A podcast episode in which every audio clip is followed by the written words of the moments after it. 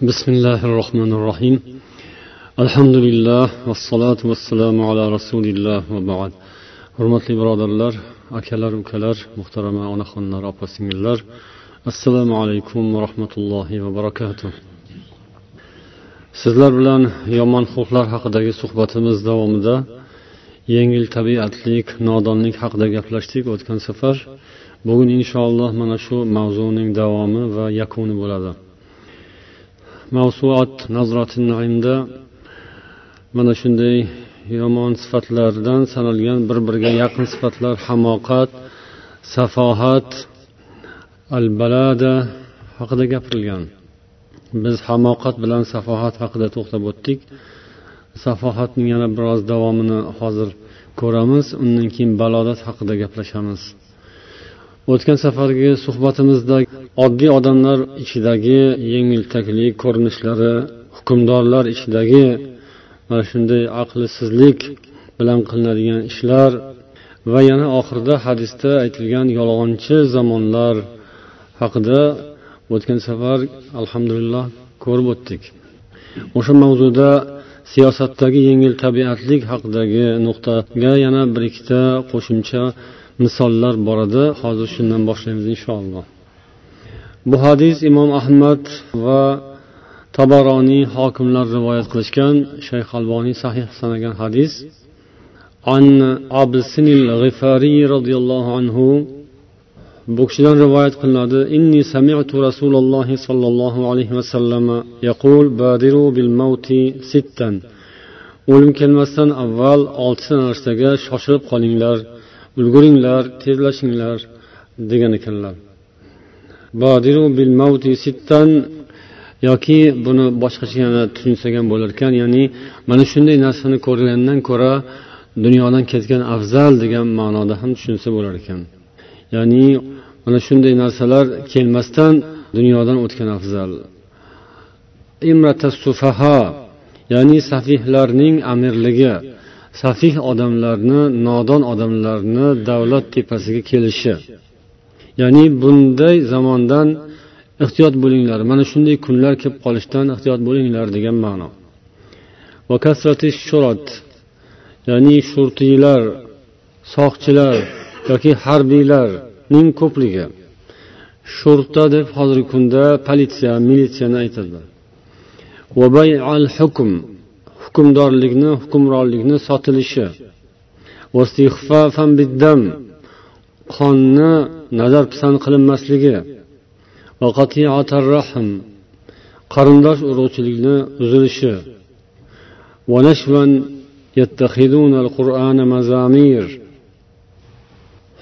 qur'oni karimni surnayga aylantirib oladigan zamonlar.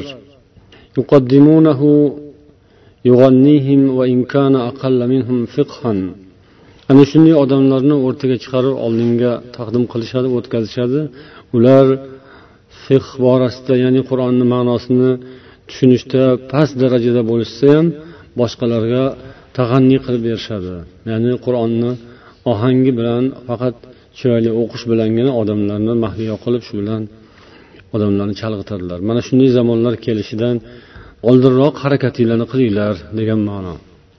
Bu yerda ham imrata sufaha degan kalima o'tdi ya'ni sufaholarning amirligi yoki rahbarligi.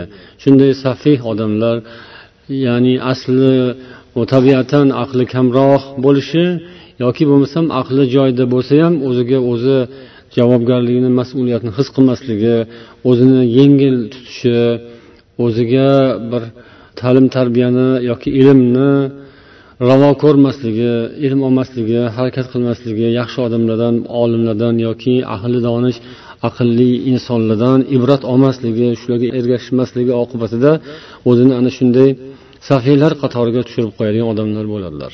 Ana shunday insonlar agar davlat tepasiga kelsa ular hukumat arboblaridan biriga aylansa demak ahvol nihoyatda og'irlashadi.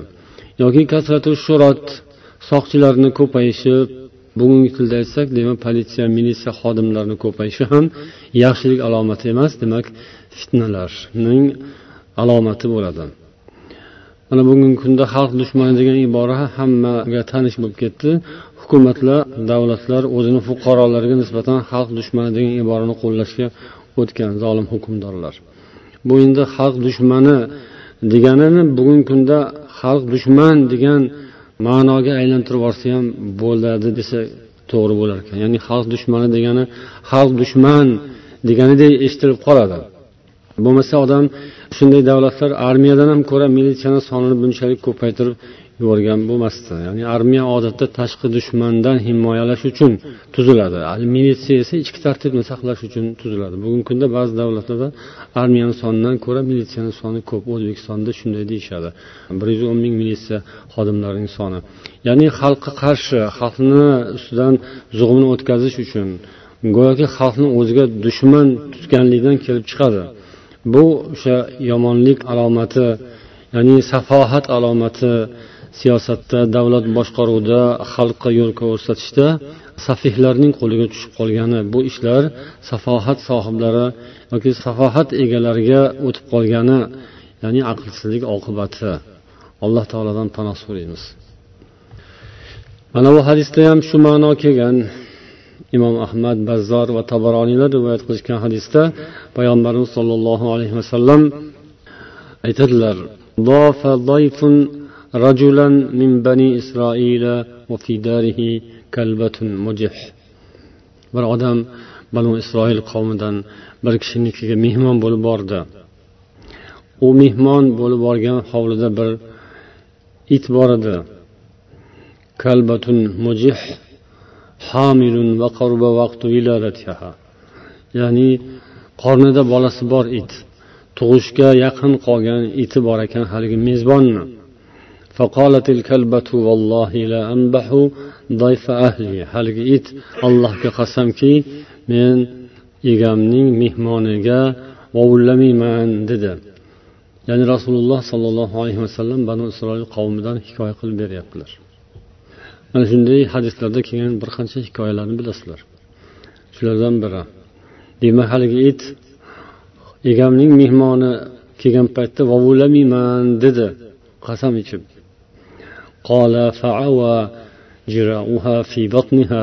shunda uning qornidagi hali tug'ilmagan bolalari vovullay boshladi atrofdagilar hayron bo'lib bu nimasi? deb so'rashdi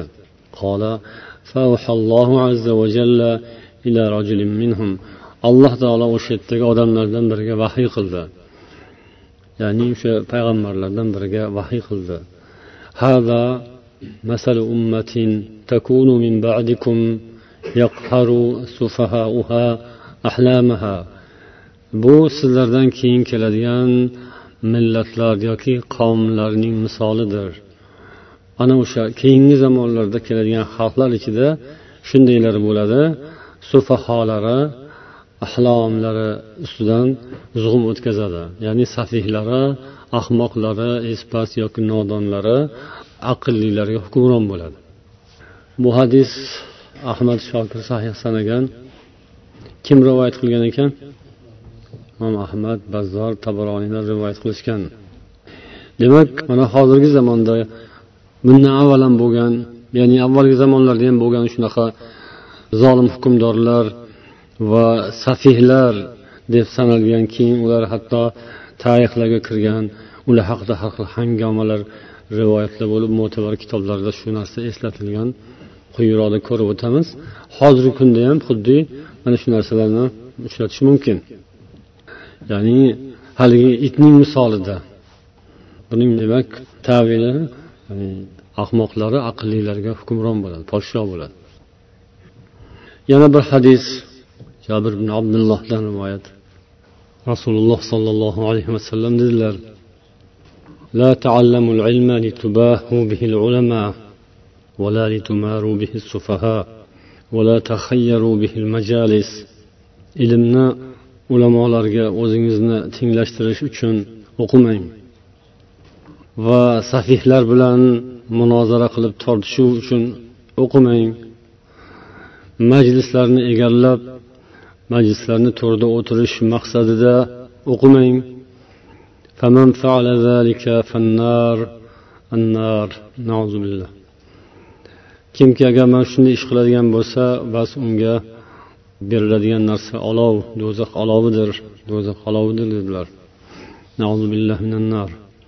رواه ابن ماجه وذكره الألباني في صحيح الجامع demak ibn moji rivoyat qilgan va hokim ham rivoyat qilgan sahih hadis bu hadisda demak ilm o'qiydigan odamlar alloh uchun ilm o'qishlari kerakligi o'zlarini ko'rsatish uchun emas majlislarda gap bilib ketib o'zini ilmli ekanini ko'rsatib qo'yish uchun emas balki alloh uchun allohni roziligi uchun va unga amal qilish uchun ilm o'qish kerakligi.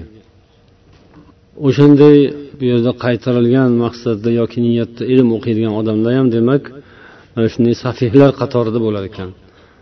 ya'ni aqlli lekin ahmoqlar qatoriga tushib qoladi ilm o'qib o'zini ko'rsatgisi kelsa astag'firulloh la havla va la quvvata illa billah عن علي رضي الله عنه أنه قال سمعت النبي صلى الله عليه وسلم يقول يخرج في آخر الزمان أقوام أحداث الأسنان سفهاء الأحلام آخر زمان bo'lganda yoshi yosh lekin aqli safohat ya'ni aqli ko'toh deyiladi aqli noqis. Yoshi yosh aqli kalta odamlar chiqadi. Min xayri bu maqlub deyishgan ekan mana shu iborasini ya'ni to'g'risi min qavli xayril bariya ekan. Ular olamlar parvardigori ollohning kalomidan olib gapirishadi. Hanajirahum. Ularning iymonlari tomoqlaridan bo'g'izlaridan nariga o'tmaydi. Ravohil buxoriy va muslim. Bu ham o'sha safohatga bog'lanadigan to'g'ridan to'g'ri shu yerda shu kalima mana ishlatilgan. Yosh bo'la turib o'zini katta tutadigan odamlar ya'ni. Yosh bo'lib ilm o'qigan lekin ilmini ko'tara olmay hovliqib qolgan odamlar bosar tusarini bilmay. Hali unga sapchib hali bunga sakrab hammaga gap otib shunaqa qiladigan ilm o'qiganlar ham bo'ladi. Ya'ni o'zini bosib tutib turolmaydi. O'zini ilmli ekanini hamma yerda ko'rsatib turish kerak. Uning uchun odamlarni tanqid ham qilib turish kerak. Kimlardir qoralab kimnidir u deb bu deb turish kerak. O'shanda uni ilmli ekanligi bilinadi go'yoki. Endi mana shu hadisda aytilganlar shular bo'lsa kerakda. Ya'ni oxir zamonda chiqadi yoshligi unaqa katta bo'lmaydi yosh bo'ladi. Va aqli kalta bo'ladi. Ularning iymoni ham bo'g'izdan nariga o'tmaydi. Bu nima degani? Iymoni bo'g'izlardan nariga o'tmaydi degani nima degani? Qalbiga yetmagan bular shunday. Ya'ni haqiqiy iymon uning qalbida jo olmagan. Fi qulubihim. Ularni qalblarida iymon mustahkam joy olmagan. Bunday odamlar ilm ahli imomlarni ichida ham uchraydi. Oddiy imom emas norasmiy deb qo'yiladiyu. Oddiy ilm o'qiganlarni ham ichida uchraydi. Ko'p joylarda uchraydi. Odam o'zini demak ilm o'qigan sayin tolib ilmlar ilm bilan birga tavozuni ham kamtarlikni ham ixlosni ham o'rganish kerak bo'lar ekan. Odam o'zini kamtar tutish kerak. Imom bo'lganda masalan minbarga chiqadi mehrobga o'tadi hammani oldida turadi. Odamlarga qarab ma'ruza qiladi gapiradi. O'shanday paytda hammada har xil holat bo'ladi. Birov unaqa birov bunaqa. Yoki hokim bo'lganda ham davlat mansablar zina yuqorilab ketayotganda ham har kimda har xil holat paydo bo'ladi. Ko'proq shu ta'lim olmagan tarbiya olmagan odamlarda salbiy illatlar o'sha ko'payadi. Ya'ni o'sha yerda insondagi safohat ochiladi. Biz birinchi suhbatda aytganimizdek har bir odamda hamoqatdan bir nasiba bor. O'sha ba'zan ochiladi ba'zan ochilmaydi. Odamni aqli yaxshi bo'lsa o'zidagi hamoqatni anglab yetib tezroq bekitib ketadi tuzatib yuradi. Bildirmaslikka harakat qiladi o'zidagi kamchilik nuqsonni. Lekin o'shanga yarasha aql bo'lmasa u ochilib ketadi. Ayniqsa bu odamlarni oldiga chiqqan paytda bo'ladi. Ya'ni imom bo'lganda hokim bo'lganda amaldor bo'lganda bu huzuri ochiladi. Masalan imomlikka o'tgan odam yoki ma'ruza qilayotgan odam qanday qilib o'zini kamtar tutishi mumkin yoki qanday qilsa o'sha safohatga qarab ketadi? Albatta imom degani yoki hokim degani yoki prezident degani o'sha qavmning eng yaxshisi mutloq yaxshisi degani emas. Aslida u shunaqa bo'lishi kerak bo'lsa ham. Aslida imom eng yaxshisi bo'lishi kerak. Aslida prezident podshoh eng yaxshisi bo'lishi kerak. Tarixda shunaqa bo'lgan avvalda shunaqa bo'lgan. Yani rasululloh zamonlarida. Lekin abu bakr siddiq xalifa bo'lganlarida man sizlarni eng yaxshilaringiz emasmanu lekin shu vazifa manga yuklatildi deganlar. Demak shunaqa bo'lishi kerak. Man odamlarni yaxshisi emasman aslida lekin shu ish manga tushdi mani vazifamga aylandi shu narsa bu xizmat menga berildi deb o'ylash kerak va odamlarga qarab gapirayotganda bularni ichida mandan ko'ra yaxshi odamlar bor deyish kerak. Hokim bo'lsa ham shu podsho bo'lsa ham shu aslida man yaxshi odam emasman mandan ko'ra yaxshilar borku lekin qaysidir bir jihatlari uchun mani shu yerga qo'yishdi deb o'ylash kerak. Lekin insonni qilayotgan ishi amallari uni qanaqa o'ylayotganini ko'rsatadi. Ya'ni haqiqatdan shu yuqorida aytilganidek man judayam yaxshi odam emasman aslida loyiq emasman munosib emasman degan odam o'shanga yarasha o'zini tutadi. Ya'ni o'zini biroz hijolat bo'lgani o'ziga ma'lum va o'zini haddan oshmaslikka harakat qiladi. Va hokazo. Hokim bo'lganda ham shu podsho bo'lganda ham shu o'zini iloji boricha kamtar oddiy sodda tutib xalqni ichida bo'lishga harakat qiladi. Ya'ni hali yuqorida aytilgan ijobiy fikrlayotgan bo'lsa lekin salbiy fikrlayotgan bo'lsa u boshqacha o'ylay boshlaydi o'zini eng yaxshi odam deb biladi. O'zidan boshqa uni eplolmaydi o'zidan boshqasi u davlatni boshqarolmaydi hamma yog'ini vayron qilib yuboradi o't qo'yib yuboradi ag'darilib ketadi to'ntarilib ketadi. Man ketsam xuddi bitta qo'lda osmonni bitta qo'lda yer ushlab turgan odamdek o'zini tasvirlaydi ta'riflaydi xalqqa shunday taqdim qiladi. Dunyoga shuni ishontiradi. Man ketsam terroristlar egallab oladi islomiylar egallab oladi davlat unaqa qilib yuboradi bunaqa qilib yuboradi deydi ancha munchasi bu uning o'zini suratini chizib ko'rsatayotgan bo'ladi o'shanga uni o'zi aqli yetmaydi haqiqatdan u haqiqiy safih ahmoq odam bo'ladi o'sha. Astag'firulloh bu davlat ungacha ham bo'lgan undan keyin ham bo'ladi. Dunyo bizdan avval ham bor bizdan keyin ham hali ancha qoladi. Ishlar biz bo'lmasak ham ketaveradi. Islom ishi ham shunaqa. Masjid ishi ham shunaqa. Siz bilan biz bormizmi yo'qmizmi? Olloh bor din bor islom bor. Qiyomatgacha olloh islomni saqlaydi davom ettiradi. O'shanga yarasha odamlarni ham chiqaradi. Siz bilan bizni olloh shu ishga ravo ko'rganiga biz xursand bo'lib alhamdulillah deb o'shani o'zimizni hissamizni qo'shishimiz kerak. Dunyoviy ish bo'lsa ham diniy ish bo'lsa ham. Agar insonda yengil tayli bo'lmasa yengil tabiatli bo'lmasa og'ir bosib bo'ladigan bo'lsa shunday deb o'ylash kerak. Ya'ni har bir ish o'ziga alloh taolo tomonidan berilgan bir sadaqa ehson vaqtinchalik ne'mat vaqtinchalik imkoniyat deb biladi. endi ulamolarni yoki ahli donishlarni mana shunday holatdagi ba'zi odamlarga bergan baholari قال عمير بن حبيب بن خماشة وكان أدرك النبي صلى الله عليه وسلم عند احتلامه juda yoshlik paytda balog'atga endi yetayotgan paytda payg'ambarni ko'rgan degan rivoyat bor ekan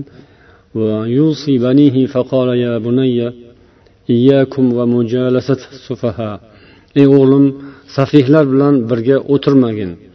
Safihlarni majlisdan o'zingni tiygin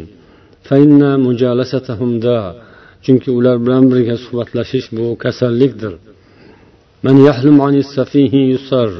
Kimki safihni oldida nodonni oldida aqlni ishlatsa demak xursand bo'ladi. Kimki safih nodonga javob qilaman desa nadomatga qoladi.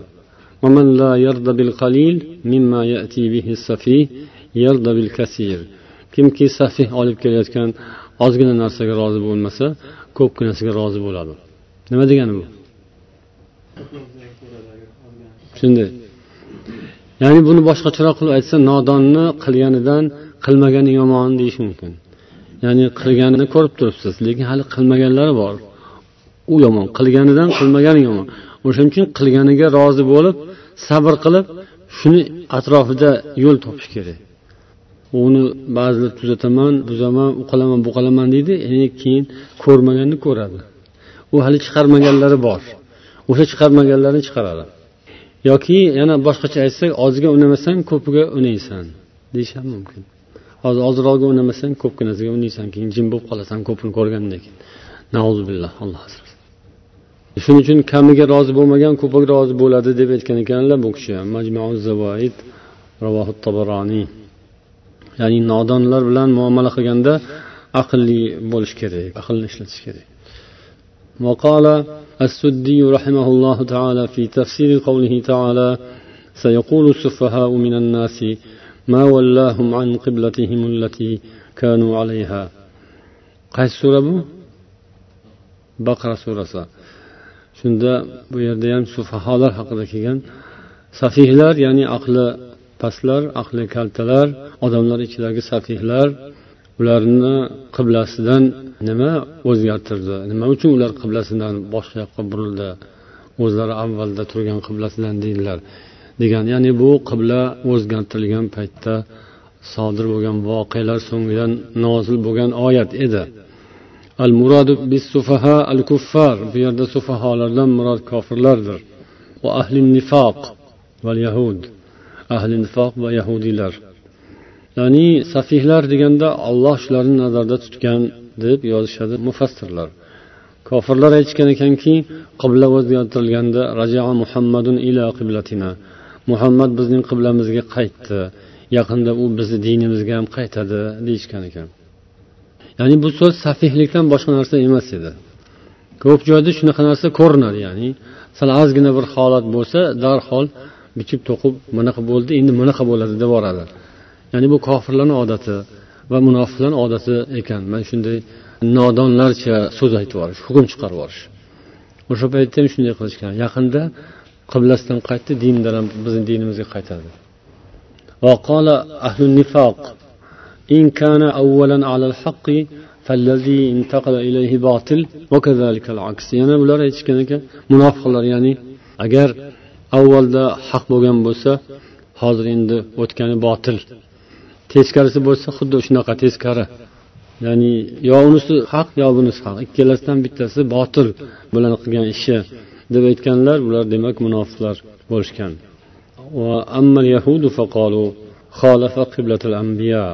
payg'ambarlarning qiblasiga zid ish tutdi agar bu haqiqiy payg'ambar bo'lganda bunday qilmasdi deb aytishgan ekan mana shunday gap so'zlardan keyin yuqoridagi oyat nozil bo'ldi va alloh taolo ularni sufaholar deb aytdi ما ننسخ من آية أو ننسها نأتي بخير منها أو مثلها ألم تعلم أن الله على كل شيء قدير degan oyat nozil bo'ldi yuqorida safihlarga munosabat muomala qilishdagi so'zning yana davomida imom shofiydan mana bu so'z rivoyat qilingan ekan يخاطبني السفيه بكل قبح فأكره أن أكون له مجيبا يزيد سفاهة فأزيد حلما كعود زاده الإحراق طيبا ya'ni shunday bir bayt aytganlar safih ya'ni nodon kimsa menga xitob qiladi hamma xunuk yomonligi bilan. Men esa unga javob qilishni yoqtirmayman. Unga qilgan muomalasiga yarasha javob qilishni istamayman. U safohati ya'ni nodonligini ziyoda qilgan sayin men unga halimlikni ziyoda qilaman. Xuddi olov udni hidini ko'paytirganidek ud degani shunday bir xushbo'y o'simlik. Xushbo'y o'simlikdan tayyorlangan uni hidini tarqatish uchun nima qilish kerak? Yoqish kerak.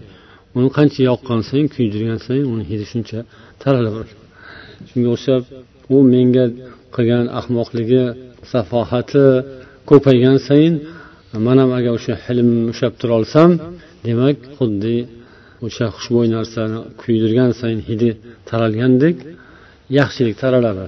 Ya'ni shunda yaxshilik bo'ladi. O'shanda maqsad hosil bo'ladi. Insonlar aqlli odamlar shunday qilib maqsadga erishadi inshaalloh.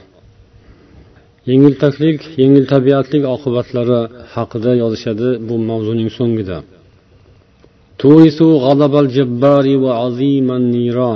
Bu yengiltaklik safohat ya'ni ahmoqlikning bir ko'rinishi jabbor ismli sifatli zotning g'azabini keltiradi va ulkan olovga olib boradi jahannamga olib boradi. Ikkinchisi odamlar safihdan ehtiyotlarni qilib qo'rqib o'zlarini uzoq qolishadi. Ya'ni odamdan uzilib qoladi u odam. Uchinchisi sharruhu mutaaddin va xuluquhu mashin. Uning yomonligi o'zidan boshqalarga tegadi boshqalarga doim yomonligi tegib turadi. Dalilun ala suil الخلق va mizannatu suil bu safohat nodonlik yomon xulq alomati. O'sha odamni xulqi yaxshi emas. Yomon xulq esa avvaldagi suhbatimizda aytdik u qayerdan keladi? Uning manbasi u nimani alomati qalbning kasalligining alomati. Qalbi kasal odamda yomon xulq bo'ladi. Va yomon xulqda safohat bo'ladi aqlsizlik bo'ladi. Aqlsizlarni esa mana darajalarni ko'rsatib o'tilgan kitoblarda hammasi ham tug'ma aqlsiz bo'lmaydi. Ya'ni aqli joyida es hushi joyida lekin ahmoqni ishini qilib yuradi. Agar o'shanga yaxshi tarbiya berilganda u aqlli ishni qilardi. Chunki sog'lom aqli hushi joyida. Faqat u hech kimni gapiga quloq solmaydi hech kimni maslahatini olmaydi. Unga maslahat yoqmaydi unga nasihat yoqmaydi. Ilm yoqmaydi dars olgisi kelmaydi o'qigisi kelmaydi ozgina o'zini nafsini qiynagisi kelmaydi. Shunday qilib safihga ahmoqqa aylanib qoladi. Yomon xulq alomati va eng yomoni eng dahshatlisini mana hozir shu yerda aytib o'tdik. Nima ekan? Oxiri oqibatni xotimani yomon yakunlanishidan qo'rqiladi. Mizonni ya'ni shunaqa deb gumon qilinadi. Shunaqa deb o'ylab xavf siraladi. Kimda shu safohat bo'lsa o'zini bilmasa safohatini yo bilib turib ham davom etsa buning oqibati xotimasi yomonlik bilan tugallanishiga bu alomat billah xotimani yomonligi esa u astag'firulloh billah eng ulkan baxtsizlikku xotimani yomonligi degani dunyodan yomon ahvolda ketish degani. U dunyoga bir marta keladi odam. Bir necha marta kelmaydi bir marta yiqilib ketgan bo'lsa yana qaytadan kelib boshqatdan yashayman deb bo'lmaydi. Imtihon dunyoni ichidagi imtihondan shunaqasi bo'ladi. Bir marta yiqildi boshqatdan o'tsa bo'ladi lekin hayotni imtihoni bitta bo'ladi. Eng yomoni dahshatlisi shu olloh asrasin. Demak safohat ahmoqlik yoki hamoqat bunday narsalarni o'rganishdan murod shundan ehtiyot bo'lish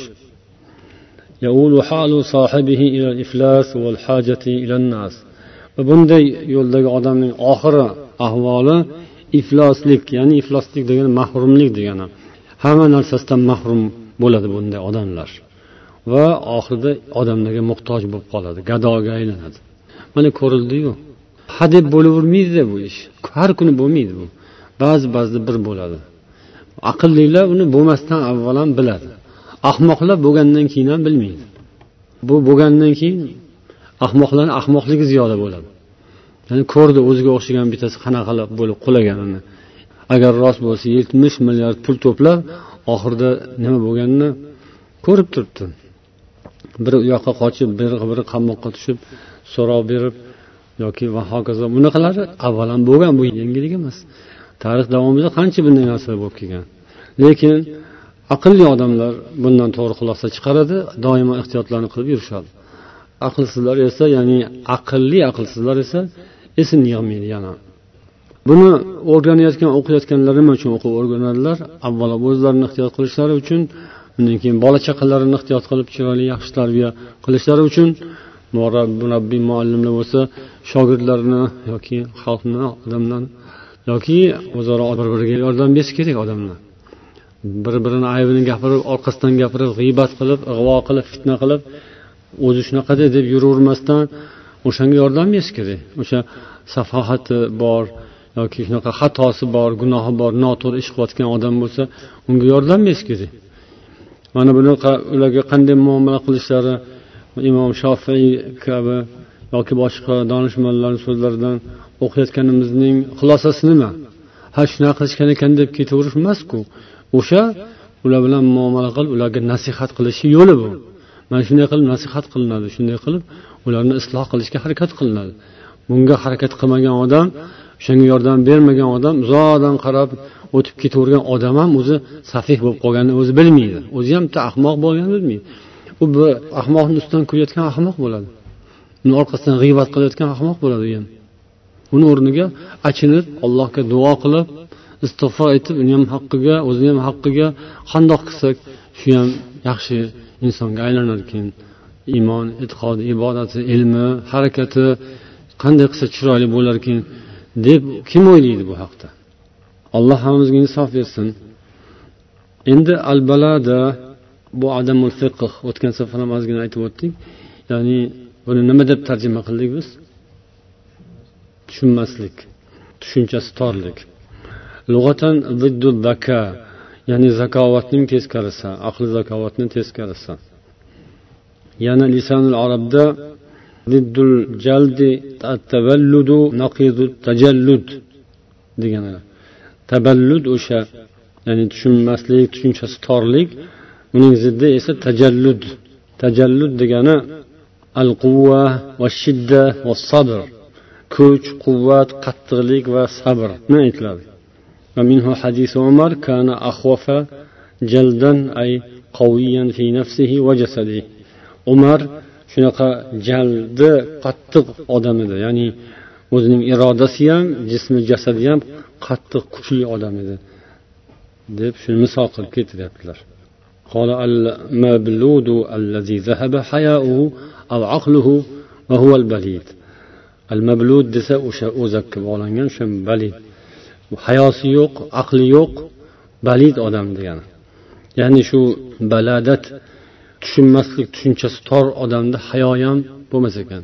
Yoki kam bo'lar ekan. Uyatni nimaligini tushunmaydi aqli kam bo'ladi. O'sha odam balid bo'ladi. U boshiga bir musibat ish tushib qoladigan bo'lsa hamma narsani unutib umuman behayoligi ochilib ketadi judayam xunuk holatga tushadi agar uni bironta inson yaqinim vafot bo'lsa yo shunga o'xshagan kattaroq musibat bo'ladigan bo'lsa holat judayam xunukka aylanib ketadi istilohiy ma'nosida هي ضعف الفكر في الأشياء العملية التي تتعلق بحسن التدبير hayotda chiroyli tadbir olib borishni bilmaydigan darajada fikri zaif odam va javdatil maosh va muxolatatin nas va muomalati maahum ro'zg'or tirikchilikni chiroyli olib borishni bilmaydigan odamlar bilan aralashib el bo'lishni bilmaydigan ular bilan muomala qilishni bilmaydigan odamni balid deyiladi وقيل هي فطور الطبع من الابتهاج إلى المحاسن العقلية yoki tabiatdagi bir nuqson biz buni o'tgan safargi suhbatda lug'atdan keltirganlarimizni yana qisqa takrorlab o'tishimiz munosib ekan. O'zbek tilining izohiy lug'atida tushunchasiz degan modda bor ong degan modda bor ongsiz saviya degan moddalar bor. Tushunchasiz degani biror tushunchaga ega bo'lmagan hech narsa bilmaydigan saviyasi past degani ekan. Ikkinchi ma'nosi ongi yo'q yoki past ongsiz degani. Ong nima desa kishining fikrlash qobiliyati. Bu narsani sizlar esinglarda saqlab qolmagan bo'lishinglar kerak. Bitta eshitganda esda qolmaydi bu narsani. Lekin bu bilishimiz kerak bo'lgan narsa. Ong nima degani? Ong kishining fikrlash qobiliyati. Bu ishlash kerak miya fikrlash kerak. O'shani darajasi bor. Demak ongi past odam fikrlash darajasi past bo'ladi. Yaxshi fikrlamaydi. Ongni o'stiriladi. Ongni o'stirish bor. Qarang bu qanday qilib o'stirib bo'ladi ongni har xil sohalarda ozgina ozgina ilm berib gapirtirib gapirib eshittirib ko'rsatib mana shunaqa qilib ongni o'stiriladi. Turli xil sohalarni xabardor qilib o'stiriladi. Agar shunaqa qilinmasa u balik bo'lib qoladi. Ya'ni anqovsiragan beparvo boq beg'am shu dunyoni suv bossa to'pig'iga chiqmaydigan uyquchi badnafs yalqov ilm olmaydi darslarni yoqtirmaydi ma'ruza yoqtirmaydi. Va hokazo shunga olib borib qoladi. O'shadan saqlash uchun uni harakatga solish kerak. Turmasa tortib turg'izish kerak. Qo'ltig'idan ko'tarib yuroqqa yuroqqa deb silab erkalab bo'lsa ham boshida. Qiziqtirish kerak har xil qiziqarli uslublar bilan. Keyin uni ongi o'sadi keyin u saviyasi ko'tariladi. Bo'lmasam ongsiz saviyasi past deb yuraversa o'sha degan odam o'zini ham ongi past bo'lgan bo'ladi. San onging baland bo'lsa sani saviyang yuqoriroq bo'lsa unikini ham ko'tar. Unikini ham ko'tara olasan chunki olloh shunga buyurgan. Uni alloh taolo mas'uliyatdan ozod qilmabdiku. U aytmabdiku bo'ldi uni espas jinni ibodat qilmasa ham bo'ladi demabdiku. Yo'q. O'sha unga pastlarga ham alloh taolo mas'uliyatni yuklagan. Bu sizga bizga yuklagan bu narsa. Bizning zimmamizdagi mas'uliyat deganimiz mana shu. Ongsiz degani demak ongi aql idroki yo'q aqlsiz degan ma'nosi ham bor. Ikkinchisi tushunchasi yo'q tushunmagan ongi past degani. Saviya esa shaxs narsa yoki hodisaning sifat taraqqiyot darajasi. Shaxs narsa hodisa. Uch xil narsa bo'lyapti. Hammasini farqi bor. Shuni sifat taraqqiyot darajasi. Sifati va taraqqiyot darajasi. O'shani saviya deyiladi. Saviya har xil sohada bo'ladi. Tushunchasi pastlik jahannamga olib boradi. Alloh taolo qur'oni karimda keltirgan oyatlarni xulosasi shunaqa. Ahlul balada ahli jahannam. Balodat ahli jahannam ahli. Mana o'zi xatarli joy shuki namoz o'qiydiganlarimiz ibodat qiladiganlarimiz ichida balodatga giriftor bo'lib qolganlar bo'lsachi munofiqlarni haqida ma'lum. Lekin musulmonlar o'zaro qarshi keldi bir birimizga jahannam ahli deyaptilar. Bu yerda ko'proq albatta kofir va munofiqlar nazarda tutiladi. Birinchi o'rinda balodat ular lekin musulmonlardan ham jahannamga tushadiganlar ko'p bo'ladi deyilgan. Ikkinchi xulosa balid bu haqiqatni tushunmaydigan odam. Uchinchisi al balada azima. Balodati bor odamni qarori ham qat'iy bo'lmaydi. U bir narsa maqsad qo'ymaydi oldiga. Maqsadiga yetolmaydi. Maqsadini bajara olmaydi bu hammamiz uchun taalluqli narsa yoshlar uchun ham. Oldida kelajakda chiroyli maqsadlarni qo'yib o'shanga yarasha qattiq harakat qilish kerak. Ba'zi yoshlar yalqov. Faqat internet ko'rib o'yin o'ynab o'tiraversa bo'ldi. Ovqat yeb uxlab ko'chaga chiqib ozgina aylanib gaplashib bitta to'planib turib o'tirib namozdan keyin ham uyga darrov kirmasdan o'tirib gaplashib va hokazo mana shu ham balodatga bog'lanadi shu narsalar. Azimatning yo'qligi azimati qarori zaif qarori qat'iy emas astaydil emas qattiq emas. Shu balodat balid al balada bima'na adamil fahm. Va yana fahm yo'q tushunmaydigan odam.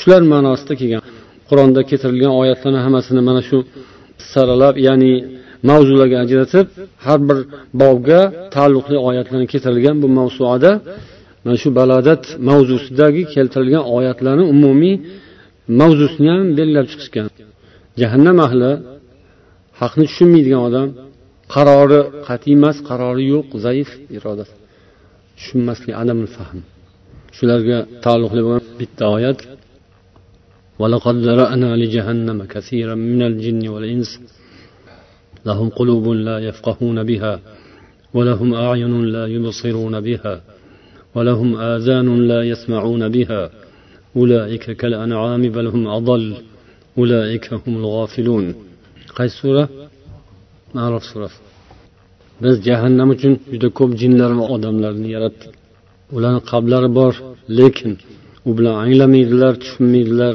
quloqlari bor u bilan eshitmaydilar ko'zlari bor lekin u bilan ko'rmaydilar Ular hayvonlarga o'xshaganlar. Balkim undan ham ko'ra adashganroqdirlar. Ana o'shalar g'ofillardir. Shulardan bo'lib qolmaylik olloh asrasin bu faqat kofirlar o'ziga taalluqli emas birodarlar. Musulmonlarga ham taalluqli. Endi suhbatimizning bu qismida mana shu mavzuda ba'zi bir hikoyalar rivoyatlar bor. Shularga to'xtalamiz. Birinchisi imom muslimda keltirilgan bir hadis.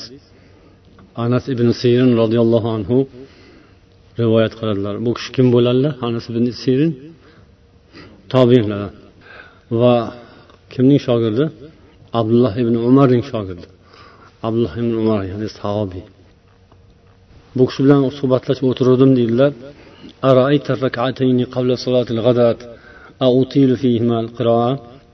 ertalab bomdod namozini oldida ikki rakat sunnatni o'qiyotgan mahalimda qanday o'qiyman buni?